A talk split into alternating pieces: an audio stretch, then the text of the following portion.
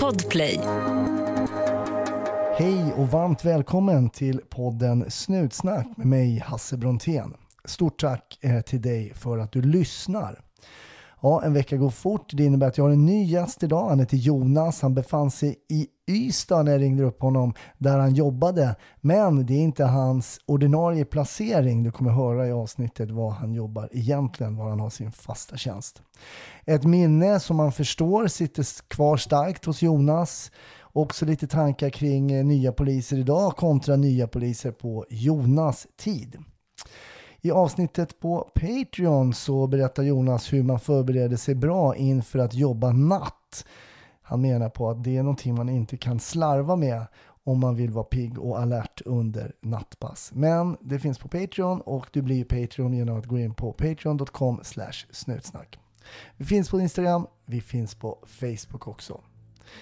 Var försiktig där ute och så hoppas jag att du får en riktigt trevlig lyssning.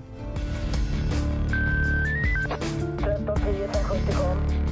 1310 Odengatan kom. Ja, det är uppfattat. Vi tar det. Slut. Bra. Klart slut. Varmt välkommen till Snutsnack Jonas! Stort tack! Ja, jag vet att du eh, har varit mitt, varit mitt uppe i någon förhör och har någon case här så jag eh, uppskattar att du liksom tar dig lite tid här nu och tar en paus och får lugna ner dig mellan förhören. Hur står det till? Jo, men det är bra. Jag är ju ja, inslängd här på kriminaljouren eller utredningsjouren som det heter i Ystad. Eh, lite sådär hals över huvud så har de eh, fått för sig att jag ska ja, utreda nu ett halvår framåt. Så att eh, du ringde rätt så lägligt faktiskt. Jag fick en paus som du sa. Ja. Så det är perfekt. Ja, vad bra, vad bra, vad bra. Ja, men är, är, du, ehm, är du utredare så att säga i, där på din Nej. vanliga placering också eller?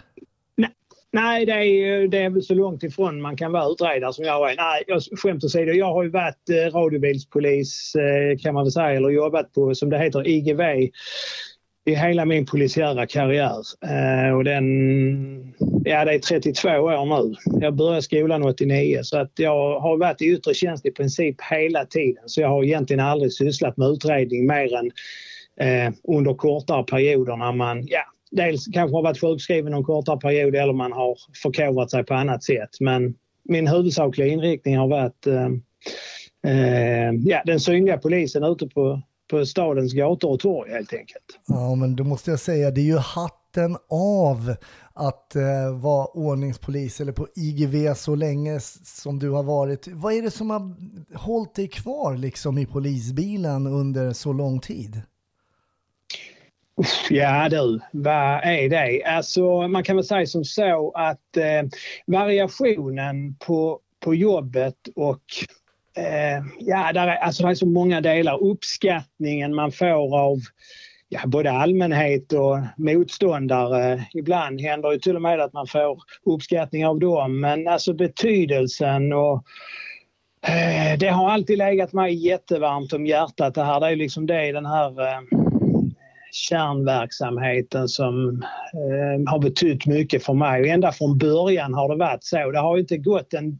Jag kan nästan säga, det har nog inte varit en enda dag när jag gått till jobbet och tyckt att ah, nej, det, jag pallar inte idag. Utan jag har alltid gått till jobbet med glädje och alltid tyckt det var eh, jättekul att gå hit. men trots att, jag menar, det har vi ju fått reda på här, vi som eh, lyssnar på Snutsnack, liksom att det är ju inte bara folk som ringer till polisen för att de har så kul, utan det är ju ganska mycket mörker också. Men du kan ändå liksom gå till jobbet med glädje, trots att jobbet ibland innebär att träffa människor som, som är både ledsna och upprörda och, i, i, och inte mår bra. Ja, det, det är ju sant det du säger, men det på något sätt så kan man ju vända det till något positivt. Eh, och eh, hur ska man säga, att man, eh, man har det faktiskt ganska bra själv. Alla de trasiga människor man träffar och stöter på och de som är i kris och sorg. Så, så eh, för att diskmaskinen har gått sönder eller för att eh, ja, någonting har hänt där hemma, man har fis på tvären, så har man egentligen inga problem många gånger. Det är väl det kanske som har drivit mig, jag vet inte, men som har fått en att, att fly, fortsätta flyta så att säga. Mm. Men jag menar, nu, ja, nu, är det, nu är det lite på låns då, då till Ystad, men var är du, vad är det du är då egentligen, din fasta tjänst? Ja, jag är ju baserad i Trelleborg och det är ju samma polisområde. Polisområde södra Skåne är det, det är längst ner i, i Sverige. Mm. Eh, och eh, faktum är att polisområdet södra Skåne, ja, det är ju, huvudorten är ju Ystad. Eller förlåt, eh, Lund är ju, är ju huvudorten där. Eh, så att man, drar man ett streck från Landskrona och rakt över på andra sidan mot Åhus till så får man ungefär eh, södra Skåne och förutom Malmödelen då, det är ett, ett eget polisområde.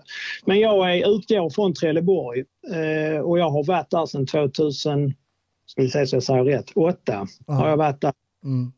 Och innan det så var jag i Lund ungefär lika länge, ja, från jag började skolan. Så det är Lund och Trelleborg jag har varit i eh, och jobbat i. Vi anar ju lite på din dialekt att du själv mm. härstammar från de södra regionerna. Var är du själv uppvuxen någonstans? Ja, jag är uppväxt mellan Malmö och Lund i något som heter Åkarp. Vi kallar det på skoj Skånes Djursholm.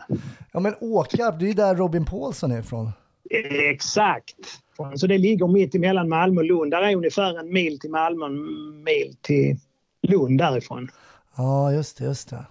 Och, men vad, vad är du uppvuxen i, om det är, om det är Skånes Djursholm då? Är du uppvuxen i en sån fet villa där alla var akademiker och läkare i familjen? Eller hur såg det ut? Nej, Nej, det var väl alltså Burlövs kommun som den heter. Eh, det är en lite speciell kommun för den är ju väldigt, eh, var ju väldigt segregerad även på, på min tid. Att Åkarp var ju då inom citationstecken det fina och Arlöv som var det andra, det var där patrasket bodde eller de socialt utslagna. Så det var ganska stora kontraster rent eh, eh, socialt om man säger. Och så min mamma sa det lite på skoj att vi bor i Skånes Djursholm så det blev lite bara en grej. det är morsan, det är morsan som har lurat i dig. Typ. Men du berättade att 89 då bar det av till, ehm, då blev det polisskolan eh, uppe i, ehm, i Sörentorp då? Ja, underbar tid. Ja, det var Fantastiskt. det. Det var det. Ja, Ja, alltså jag glömmer aldrig, jag åkte upp med min eh, kompis. Eh, eh han skulle börja GIH då. Och han och jag åkte på samma flyg upp och sen skildes vi eh, där och då visste vi inte. Han var inneboende hos någon och jag skulle bo hos någon gammal tant där uppe, Ellie Eriksson i Sundbyberg var det väl, tror jag bodde. Eh, och det var, det var, när man gick dit där och då var jag, var jag nu var 20-21 år, det var spänt. Det var liksom i princip första gången förutom lumpen som man var iväg på ett riktigt äventyr. Så man visste inte riktigt vad som väntade en. Nej. Men det blev bra. Ja. Men varför var det, du säger att det var en underbar tid. Var, varför var det en underbar tid? Ja, kanske inte där och då, men, men nu när man tänker tillbaka på det så var det fantastiskt mm. faktiskt. Mm. Alltså det, det är väl svårt att sätta fingret på det. Jag tycker de som går i skolan idag, det är nog inte riktigt samma sak. Det, med tanke på att det finns polisskolor på sig, i hela Sverige nu. Mm. Eh, det, det, var bara till Sörentorp man åkte och den här eh, genuina platsen norr om Stockholm. En, en, riktigt perfekt polisskola. Alltså jag minns det bara, hade bara, har bara goda minnen därifrån. Mm. Eh, eh, men det är svårt att sätta fingret på det, vad det är som vad det är som gör att det väcker eh, goda minnen. Men vi hade förbannat kul helt mm. enkelt eh, i de här grupperna, som, mm. klasserna där. Alltså vi hade jättekul. Har, har, du, eh, har du någon poliser i släkten eller hur kommer det sig att du eh, sökte överhuvudtaget? Nej, det, det, har jag inte, inte överhuvudtaget. Och jag, var väl, jag gick ju samhällsvetenskaplig linje på latinskolan. Den är ju eh, eh, i ropet idag, höll jag på säga. Det var ju där det här hemska dådet skedde ju nu häromdagen. Två lärare ja. blev dödade va? Exakt ja. Eh, så jag gick ju på den skolan men jag hade ju aldrig någon tanke på det. Jag var väl ganska skoltrött och sen så fick jag någon chans att åka med någon eh, radiobilspolis då eh, i samband med prao eller syo eller vad det nu hette. Ja. Eh, under en veckas tid. Det får de ju inte idag, eh, skolelever. Men, men då fick vi och då, då väcktes där någonting. Och sen sökte jag faktiskt ganska många gånger. Det var ju rätt hård konkurrens Mm.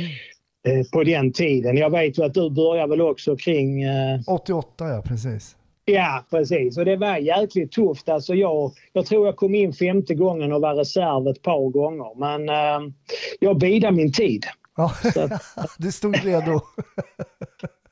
Ja, och jag hade liksom bestämt mig och det är väl lite det idag jag känner att eh, med, med eh, att eh, det här med vill man någonting, alltså om jag nu vill gå på polisskolan så är det inte jätteviktigt att den finns i Malmö eller den finns i Borås. Jag tror, jag, jag, jag, tror vi är på, lite på fel väg det, i, idag med rekryteringen här. Att, att vi får in lite fel folk eh, Ja, det, faktiskt. Okej, vad, vad tänker du? På vilket sätt är det, är det fel folk då?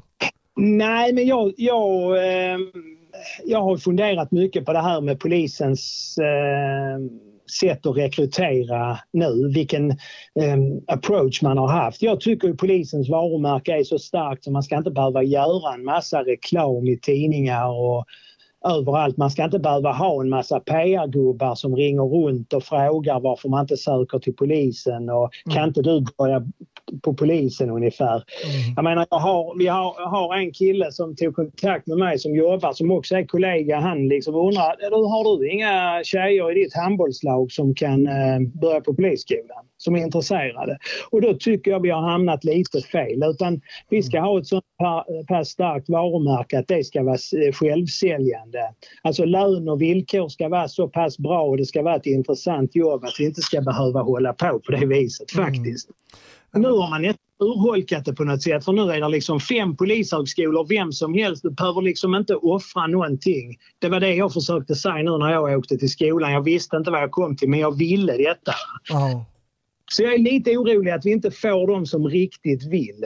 Nej, jag förstår vad du menar. Det, det är ju mer, eh, det är högre omsättning idag på egentligen, det är väl på alla yrken egentligen, men unga människor är kanske inte, eh, man är inte sådär att man ska stanna utan nej, det här var inget för mig och så byter man. Men på vår tid var det lite mer, man fick ett yrke och sen här, är- nu är jag här liksom.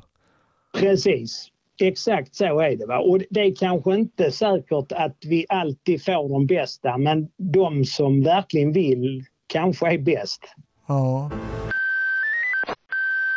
Vi har pratat om det lite i podden sådär, att det kanske bara finns egentligen en typ av människor som vill jobba som poliser och då är lön och sånt där kanske inte det absolut viktigaste för du valde Nej. väl inte det här yrket för att du ville bli miljonär på lönen? Nej. Du, jag ska säga ärligt talat så jag tittar inte, jag frågar inte någon överhuvudtaget vad är det för lön. Det var liksom inte prio för mig. Nej. Det var inte det. Men jag, det, det är nog så idag, tror jag. Ja, jag fattar. Så att eh, nej, men så, så att och, och- det, det här då med nu som eh, med fem polishögskolor utspridda i, i Sverige. Jag, jag tror det motverkar eh, syftet på något sätt. Man, det spretar i utbildningen väldeliga och det märker vi när vi får, får de här färdiga produkterna till oss att eh, ja, på, på den skolan gör de så och där gör de så. Ja, just det. Det blir lite olika beroende på vilken skola man har gått helt enkelt. I, ja, och man har sänkt intagningskraven till exempel. Har man också gjort svenska språket som är så otroligt viktigt att kunna och behärska. Ja, Ja, en stor del, alltså det har man liksom tagit bort. Att där finns ju, det, det var ju en stor och svår del när du och jag sökte in. ja det var det. Så att, eh, ja, jag vet inte. Jag, jag tycker att man är lite fel på det faktiskt. Man har på något sätt eh, underminerat eh, he- hela den här processen på något sätt. På, på något sätt så skulle man egentligen gjort tvärtom tycker jag. Eh, än att försöka dra in folk och med olika PR-kampanjer locka in dem i polisyrket. Men det är, ju, det är min högst personliga uppfattning. Men det fanns väl lite sådana där eh, PR-kampanjer även på vår tid? Var det inte någon så här bli polis eller yrkepolis? Jo. Någonting liknande kommer jag ihåg i alla fall.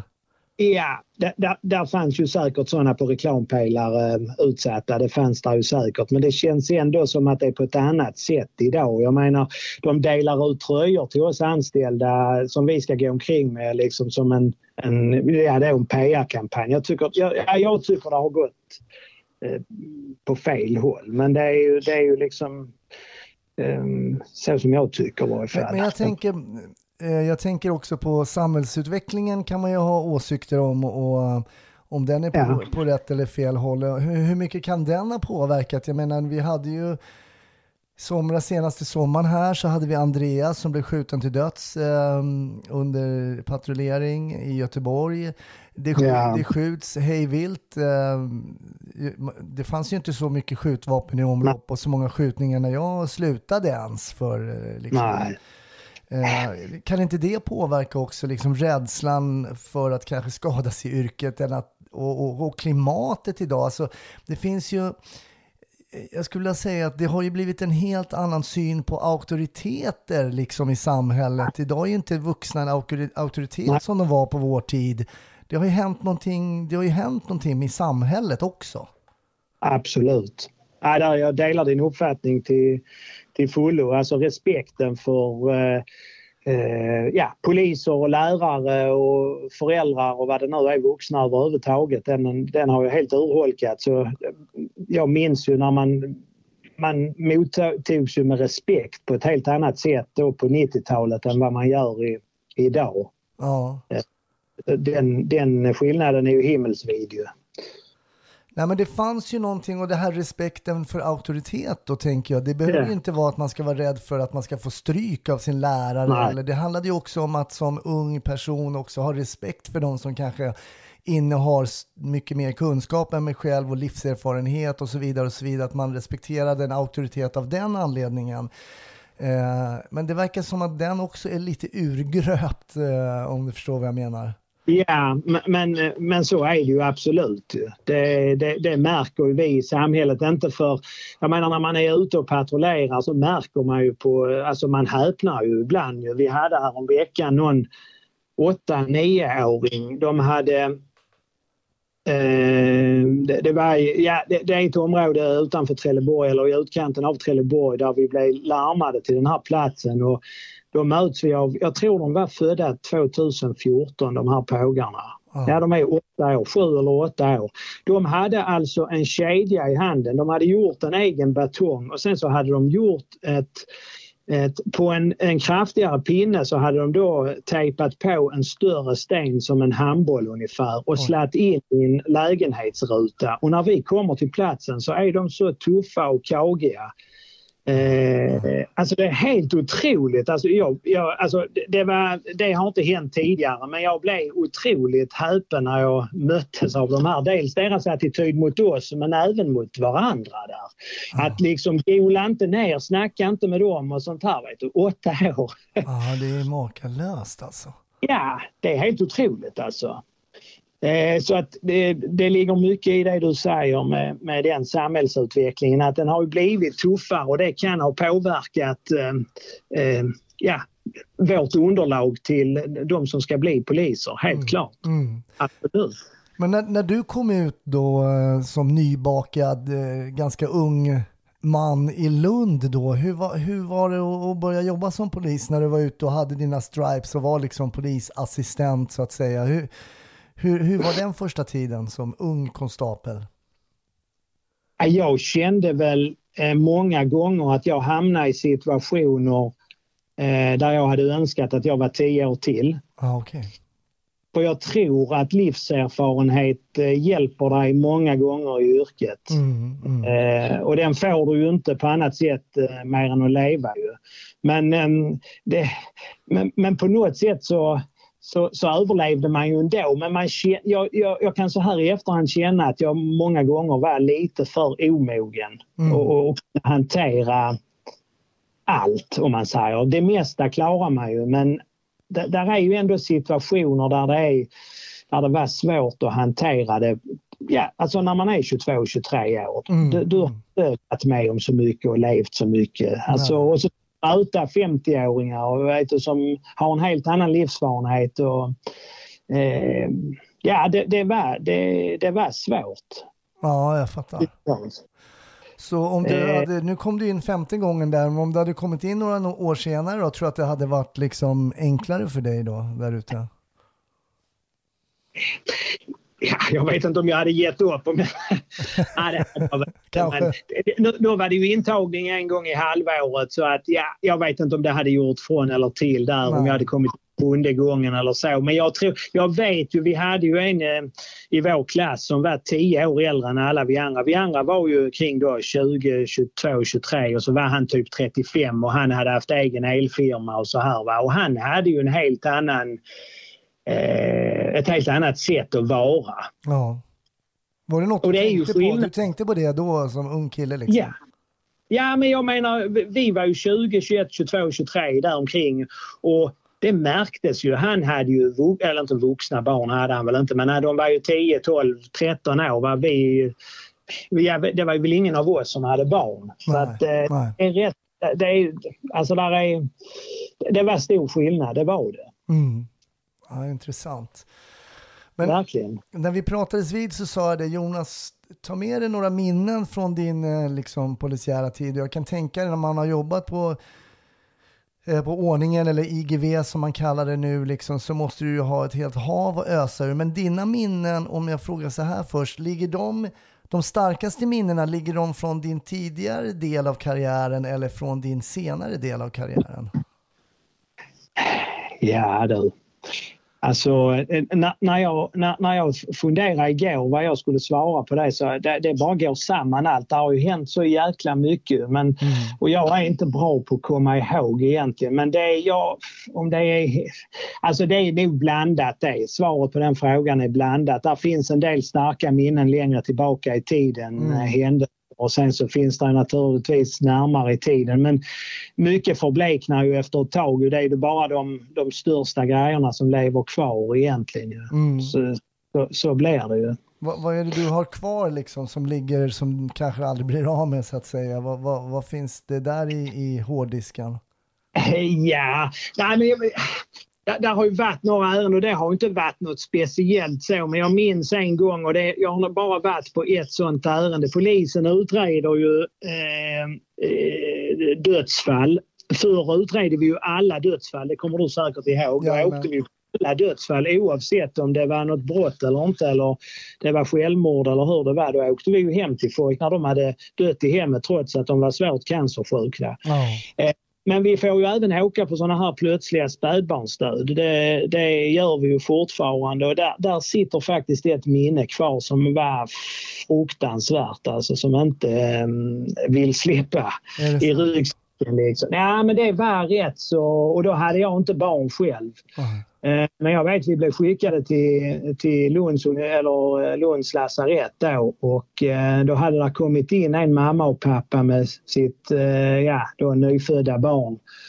Jag kommer inte ihåg hur gammal det barnet var nu men en, några månader var det väl förmodligen. Och, eh, eh, åkte in i panik då för barnet hade ju liksom, eh, ja hon hade väl ammat det här barnet och legat i sängen och eh, sen så hade väl hon somnat och sen upptäcker hon att det är livlöst och åker in. Och Mm. när vi kommer dit där då, ja barnet är ju dött ju. Det ligger där i en sån här typ eh, kuvös i, eh, ja, i, i genomskinligt plast ju. Mm, mm. Eh, och helt blått i, alltså helt blå var det här lilla barnet. Och det, liksom, det, det tog mig rätt hårt och särskilt när pappan då kommer, så kommer pappan och det är ju ja, naturligtvis en tryckt stämning där. Pappan kommer fram till mig eller till oss och säger att ja, ni måste ha ett fruktansvärt jobb, Oj, säger han till oss. han tyckte liksom. ni hade jobbigt.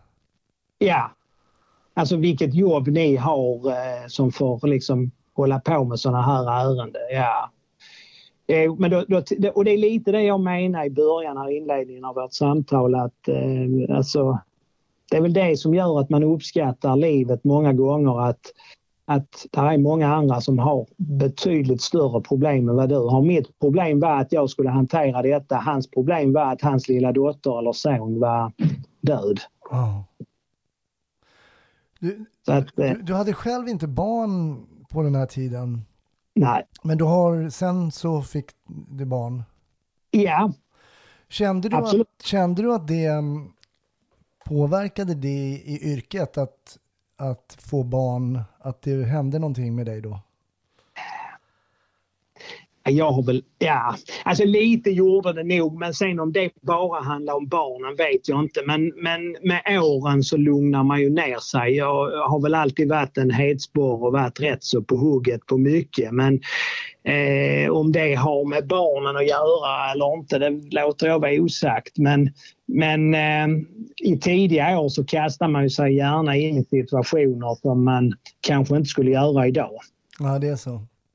Nej, absolut inte. Sen vet jag inte om det har med barnen att göra. Det, det som jag tycker har blivit påtagligt mer när jag blivit äldre, det är ju det här med bilkörningen. Eh, där utsätter vi oss ständigt för ganska stor fara faktiskt. Eh, eh, många, många gånger och det handlar ju kanske inte bara om oss själva utan ibland handlar det om vår omgivning som inte alltid är på tårna heller eller uppmärksammar oss i tid. Och jag har ju själv varit inblandad i rätt många eh, olyckor så att eh, där har jag nog lugnat ner mig med vad beträffar att jag, ja då får det ta en minut till innan vi är framme så det är bara så. Tänker du då på um, framkallande av fri väg, alltså så att säga när man kör Ja. blått liksom? Ja. Och, mm.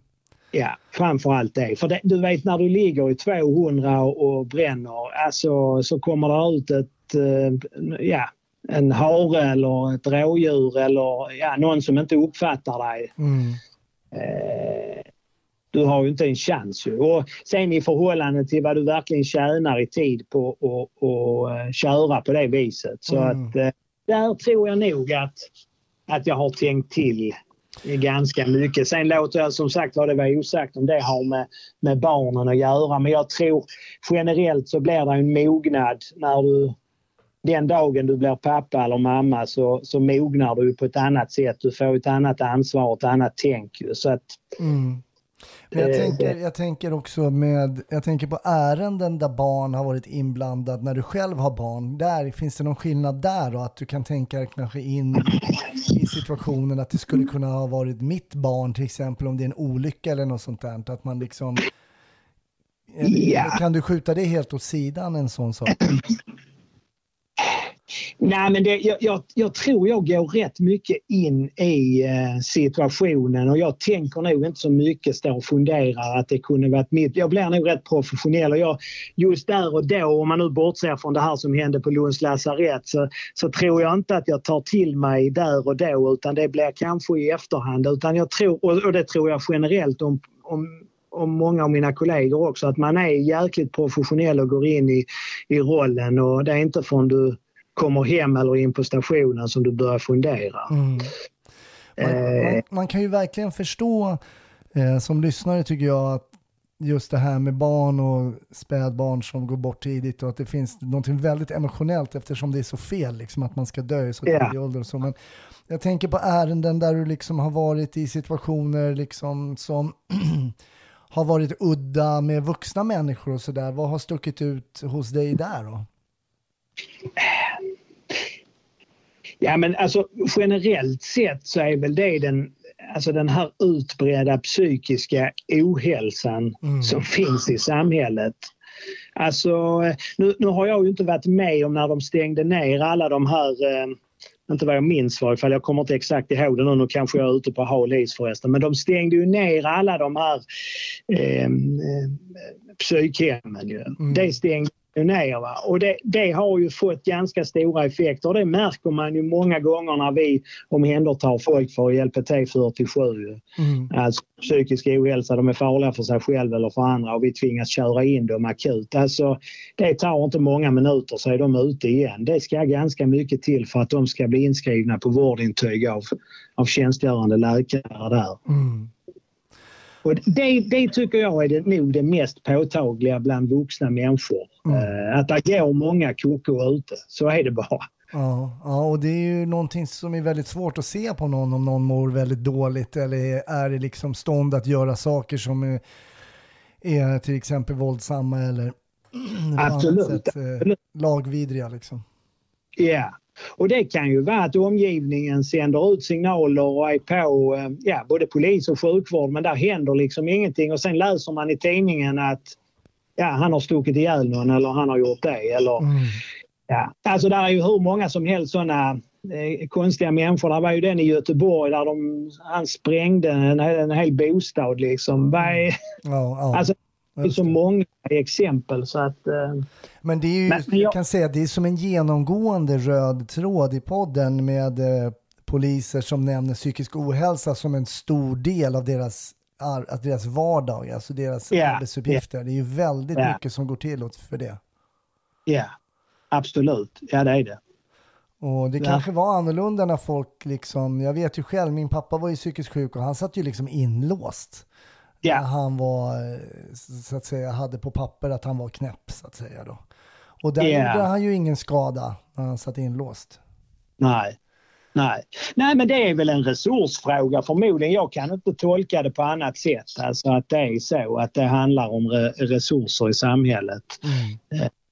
Faktiskt. Men, eh, och, och den, den biten, alltså den här psykiska ohälsan i kombination med eh, missbruk, det blir ju som en tickande bomb. Mm. Ja, såklart. Men har du alltid kunnat somna på kvällarna när du kommer hem för pass och sådär och det har hänt, du har sett liksom, ja men kanske det här klassiskt blod och ond eh, bråd död liksom. Eh, Har du alltid kunnat sänka axlarna Ja. och liksom, ja, gå och lägga dig? Ja, ja, ja det, ja det, det kan jag nog säga att det har jag. Jag eh, har haft väldigt lätt att koppla bort jobbet när jag kommer hem. Och, eh, min nuvarande chef brukar säga till mig att jag vet att jag inte ska ringa dig att du inte vill eh, bli kontaktad på dina fridagar utan att du vill ha lugn och ro. Och det, det är lite så. Va? Jag brukar tycka det är rätt skönt när jag är på jobbet så är det all in och när jag är hemma så, så funderar jag på, på annat. Eh, eh, på, på mina intressen och ja, trädgård och golf och vad det nu är. Va? Så att det har jag nog haft ganska lätt för att inte ta det med mig hem. Mm. Även, och, och det vill jag ändå framhålla att, eh, att det har ju ändå påverkat familjen mycket mm, att jag har varit polis. Jag, jag vet när barnen var små så sa alltid min sambo att "Shh, nu, var tysta nu, pappa sover, han ska jobba i natt. Och det, det, ja, det har alltid varit så va? och de har tassat runt vet du, inför jag skulle göra natt. Ja, Ja. helt, helt fantastiskt har det varit. ja, just det. Så de tog, de tog lite hänsyn till farsans yrke Mm. helt enkelt. Helt, eh, helt otroligt egentligen. Jag hade ju, eh, och, och jag gör ju ganska många nätter fortfarande trots att jag är 50, vad jag nu är, 55 år. Ja. Så gör jag fortfarande ganska många nätter. Och, ehm, nu, nu är det inte så för nu är de ju vuxna men, men eh, det, det, det, det var, har ju varit guld värt och det har ju präglat vår familj mycket. Och sen har det ju varit Ja, det har ju varit varannan helg och, och, Ja. och då är pappa med på det kalaset och han kan inte då. Men det har ändå, jag, alltså de har tagit otrolig hänsyn till mitt jobb och att jag har älskat det på något sätt. Ja, Det är- ja. Det är att, eh, häftigt. För det, Ja, klart- faktiskt. för det är klart, det, det är intressant när man berättar att man jobbar som polis. Så handlar det bara om att du jobbar som polis, men hela din familj blir ju påverkad då av att Ja. du jobbar som polis. Du kan inte komma på det här bröllopet eller festen som du nämner. Nej. Det, det är Nej. klart att det, det, det blir lite annorlunda. Ja, Hur det- tycker det- du att en bra polis är? Har du jobbat med duktiga poliser och hur är de? Ja, du. Eh, ja, det har jag ju naturligtvis gjort.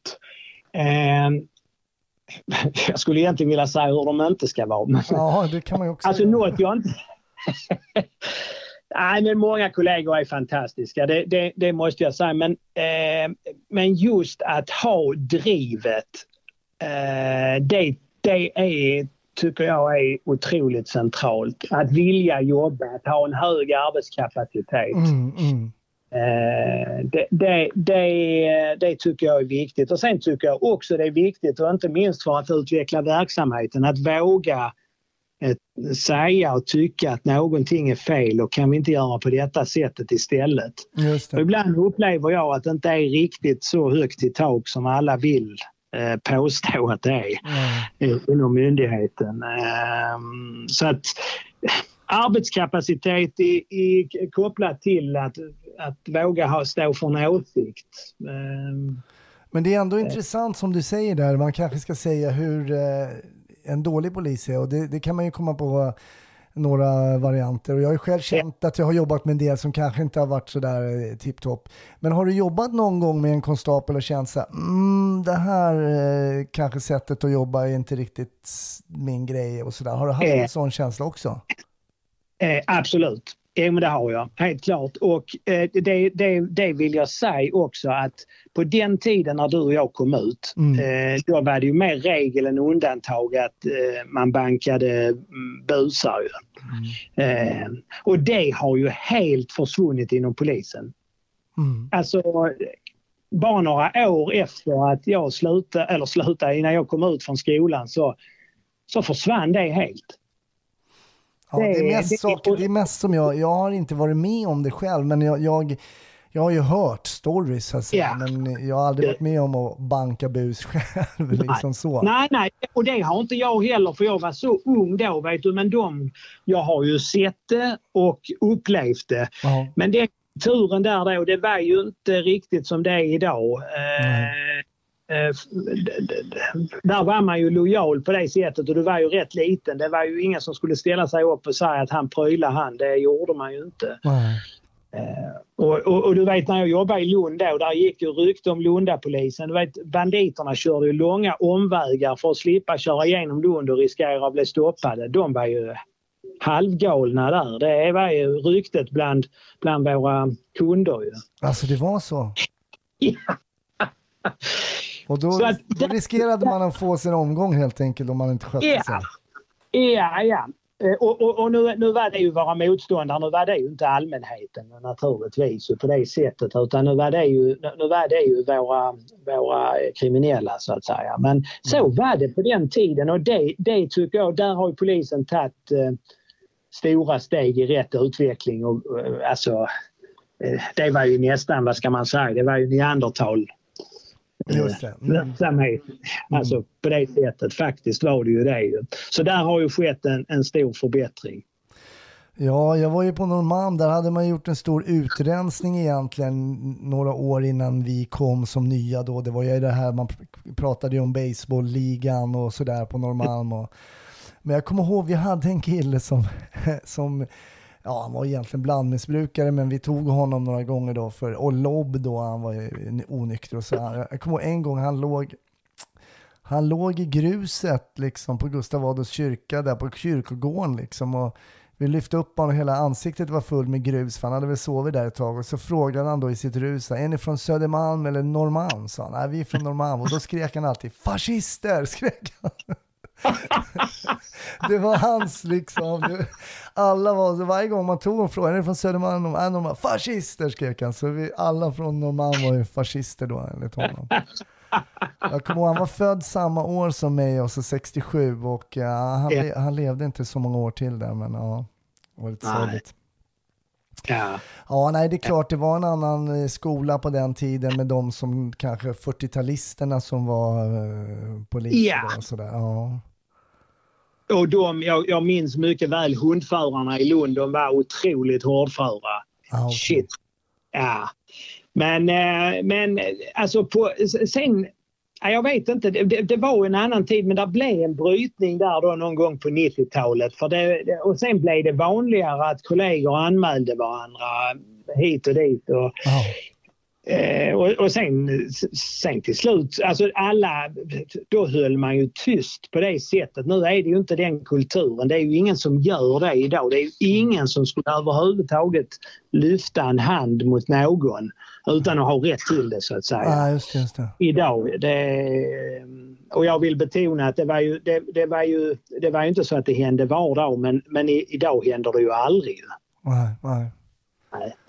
Så att, eh, nej, det är ja. nog väldigt, väldigt sällan. Det är nog eh, betydligt mer sällan än de här ACAB-förespråkarna, liksom all cops are bastard. Ja. De skulle bli besvikna Ja, att inte svensk polis lever upp till det, det ryktet de själva vill sprida nej men absolut. Eh, absolut, jag, eh, jag, delar din eh, åsikt till fullo där. Och, det är, och, och därför många gånger alla de här liksom snyfthistorierna som står i, i tidningar och i media och som kommer ut i TV. Jag, jag vet inte alltid om jag tror på alla de här. Och där poliser granskas eh, nagelfars. Alltså det, det, det har nästan slagit över på fel håll idag skulle jag vilja säga. Hade, hade vi utrett eh, alla brott lika väl som vi utreder, utreder brotten mot poliser så, så d- Eller du menar brott när, när, poliser är misstänkta? Eller? Ja, exakt. ja just. Mm. Exakt. Alltså,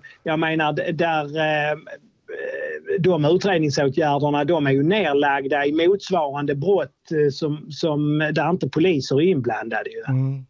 Ja, Och mm. jag vet inte, det är, ibland så, så går det till överdrift på andra hållet. Men det läser man i tidningarna. Poliser utreder poliser, därför blir de aldrig dömda. Nej, just det. Nej. Eh, men, men där finns ju en del fall nu så att eh, där är ju bland annat något uppmärksammat här nere i Landskrona nu. Där, eh, där är väl några kollegor som riskerar att få sparken tyvärr. Men eh, så är det. Det Vad är, de, vad är de misstänkta för då? Det, är- nu, nu kan jag inga detaljer på det sättet. Jag har bara läst i media så att jag har väl ingen sån direkt kontakt så men de, eh, de har väl eh, de har kommit upp i en lägenhet i, i Landskrona om jag förstod det på något, med något bråk och där eh, ska man då först omhänderta den här mannen i sin bostad då för LOB och det kan man ju inte göra och så får de ja, hitta på något brott då och så påstår åklagaren vill jag betona. Ja, just det. Just det. Mm. Eh, att eh, eh, de säger att de ska ta honom för våld mot tjänsteman och så plockar man in honom. Men sen visar det sig att han har ju en kamera uppsatt i bostaden som filmar hela händelsen. Ja, okej, okej. Mm. Ja, Och så där de visar då- att eh, poliserna inte talar sanning helt enkelt. Exakt, och där de då typ säger att eh, eh,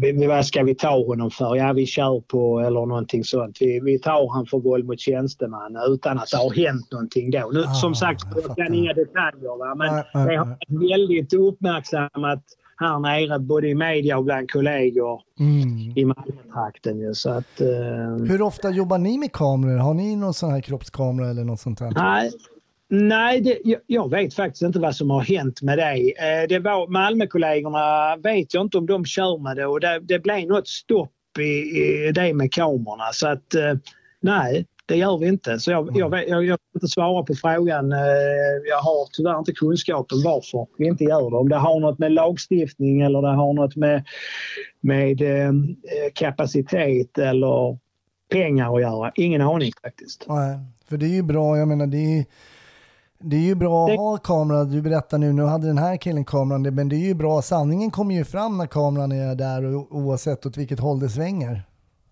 Ja, man får ju en annan bild i varje fall. Sen är det ju inte säkert att det har hela händelseförloppet. Det vet man ju Nej, aldrig. så Det är ju, kan det vara.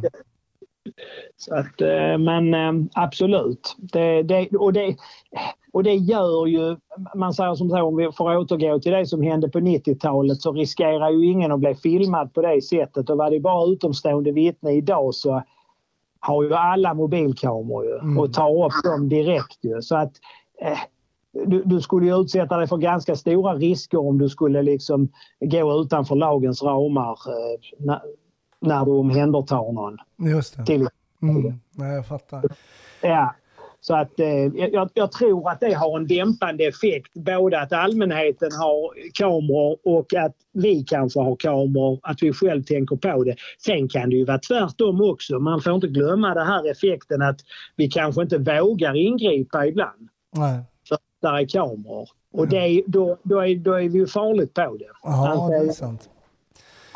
Och våld eh, som ju mm, poliser har eh, lagstadgad rätt att nyttja ser ju sällan bra ut. Nej, Fast den är helt laglig så att säga så är det ju sällan vackert. nej, pre- exakt. E- Exakt så är det ju.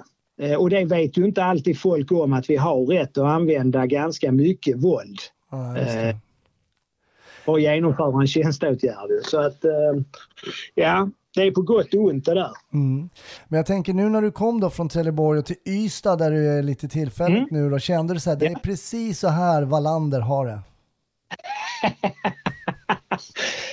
Ja, du, nej det vet jag inte. Jag, eh, jag vet. Nej, nej, egentligen inte. Jag, vi har ju ganska nära kontakt med kriminaljouren i Ystad. Det är ju hit vi kör våra gripna och, och Ja, ibland så. Ja. omhändertagna. Så vi har ju rätt så tät kontakt. Eh, Jag ska inte säga dagligen, men på veckobasis har vi ganska mycket kontakt med kriminaljouren. Ja.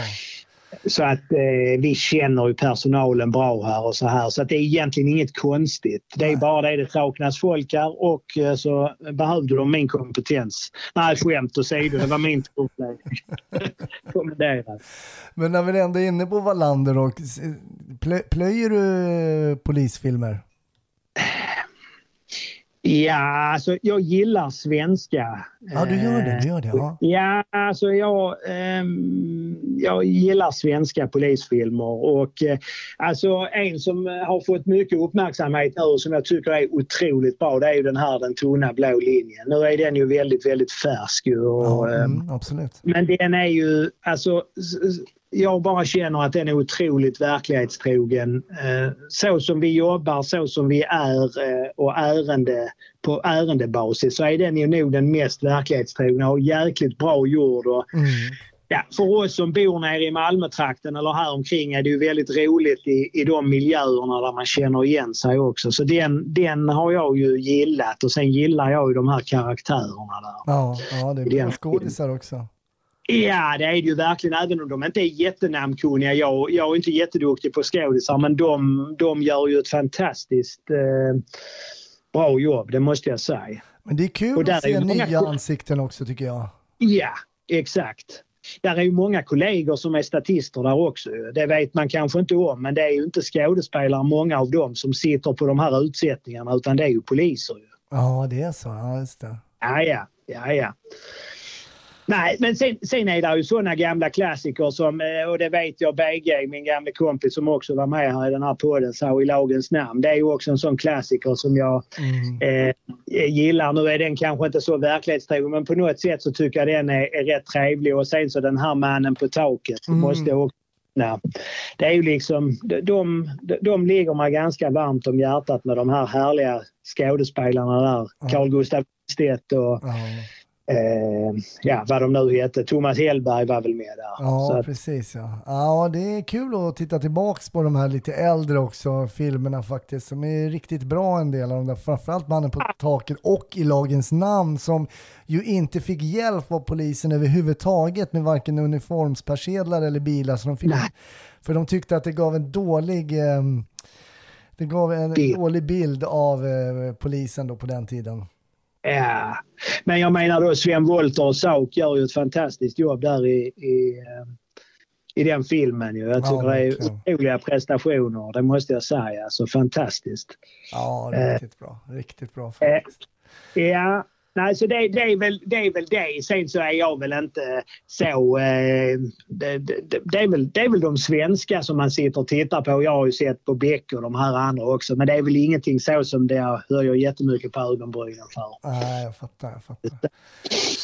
Ja, tiden går fort Jonas. Eh, Stort tack. Vi avslutar alltid med lite filmer, men vi ska prata vidare lite i ett Patreon-avsnitt också. Då ska jag höra hur länge du kommer orka vara på IGV, den här 55-åriga kroppen, hur länge den, hur länge den håller i.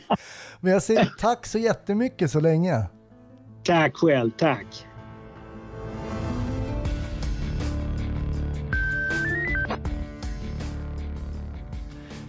Tack för att du har lyssnat på Snutsnack.